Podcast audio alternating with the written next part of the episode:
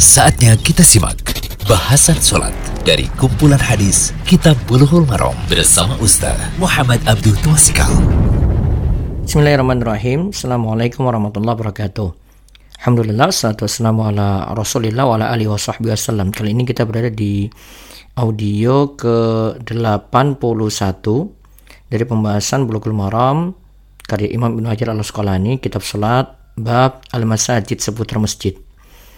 Nah, kita akan melihat larangan melaksanakan hukuman had di masjid dan nanti kita ambil pelajaran-pelajaran uh, penting dalamnya. Hadisnya adalah hadis 258. Wan Hakim bin Hizam radhiyallahu anhu qala qala Rasulullah sallallahu alaihi wasallam la tuqamul hududu fil masajidi wa la yustaqadu fiha.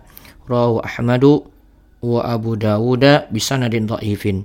Dari Hakim bin Hizam radhiyallahu anhu Rasulullah Shallallahu Alaihi Wasallam bersabda, tidak boleh menjalankan hukuman had di masjid. Begitu pula hak tuntut bela di dalamnya. Begitu pula hak tuntut bela di dalamnya. Hadis ini riwayat Ahmad dan Abu Daud dengan sanad yang doif atau lemah kata Imam Ibnu Hajar. Secara lengkap hadis ini sebenarnya memiliki syawahid atau penguat sebagaimana disebutkan oleh Syekh Al-Albani. Jadi hadis ini intinya punya penguat dari jalur yang lainnya. Nah, coba kita kenal dulu perawi hadis, yaitu Hakim bin Hizam.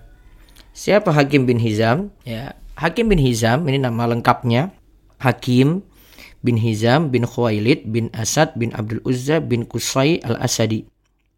Hakim adalah putra dari saudara laki-laki Khadijah. Kita sebut itu keponakan Khadijah di mana Khadijah adalah istri pertama Nabi Shallallahu Alaihi Wasallam, ya, Ummul Mukminin.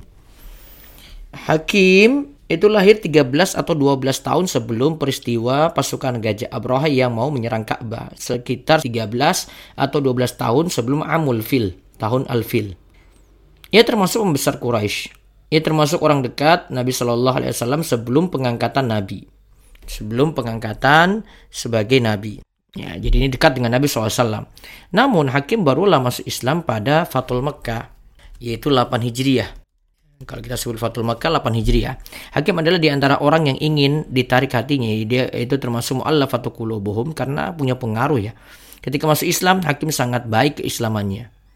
Hakim memiliki 60 periwayatan hadis. Empat hadis ada dalam kitab sahih sebagaimana disebutkan oleh Az-Zahabi dan Hakim meninggal dunia pada tahun 50 Hijriah pada usia 120 tahun. Sebenarnya pendapat Imam Al-Bukhari usia Hakim itu separuh umurnya berada pada masa jahiliyah, separuhnya pada masa Islam. Namun menurut Imam Zahabi, keislaman Hakim hanya berkisar 40-an tahun, hanya berkisar 40-an tahun. Faedah hadis, pertama, hadis ini menjadi dalil dilarangnya menjalankan hukuman kisas eksekusi mati bagi pelaku pembunuhan. Ini dalil dilarangnya menjalankan hukuman kisos di dalam masjid. Ya, di dalam masjid. Larangan hadis ini bermakna haram. Walaupun hadis ini ada perbincangan mengenai status sahih atau doifnya, tapi makna hadis ini sahih. Terus kedua, kenapa hukuman had ya atau kisos tadi had atau hukuman bagi pelaku kriminal dilarang di masjid karena di antara alasannya adalah dapat mengotori masjid. Terus faedah yang ketiga hukuman had di masjid dapat menimbulkan suara keras dan gaduh. Nah, hal ini juga tidak layak di masjid. Lalu hukuman had yang keempat, hukuman had tidaklah pernah diketahui dilakukan di masjid oleh Nabi dan para sahabat. Ketika Ma'is mengakui perbuatan zinanya di masjid, Nabi SAW berkata, pergilah, bawalah dia, rajamlah. Berarti tidak dilakukan di masjid.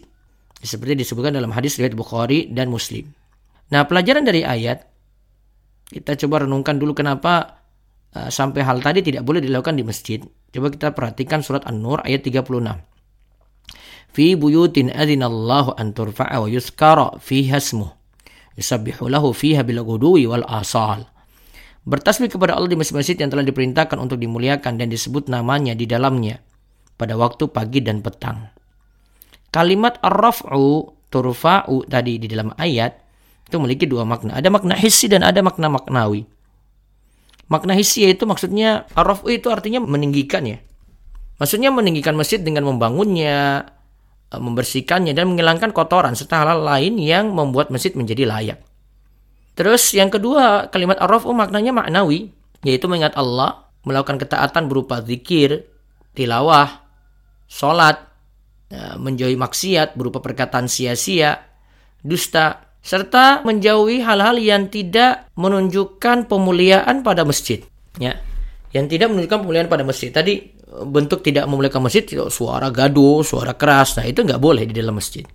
Nah ini yang diperhatikan, ini berkaitan dengan adab, ya mudah-mudahan kita bisa memahaminya dan menerapkannya. Semoga jadi ilmu yang manfaat. Demikian bahasan sholat dari kumpulan hadis Kitab Bulughul Maram bersama Ustaz Muhammad Abdul Tuasikal.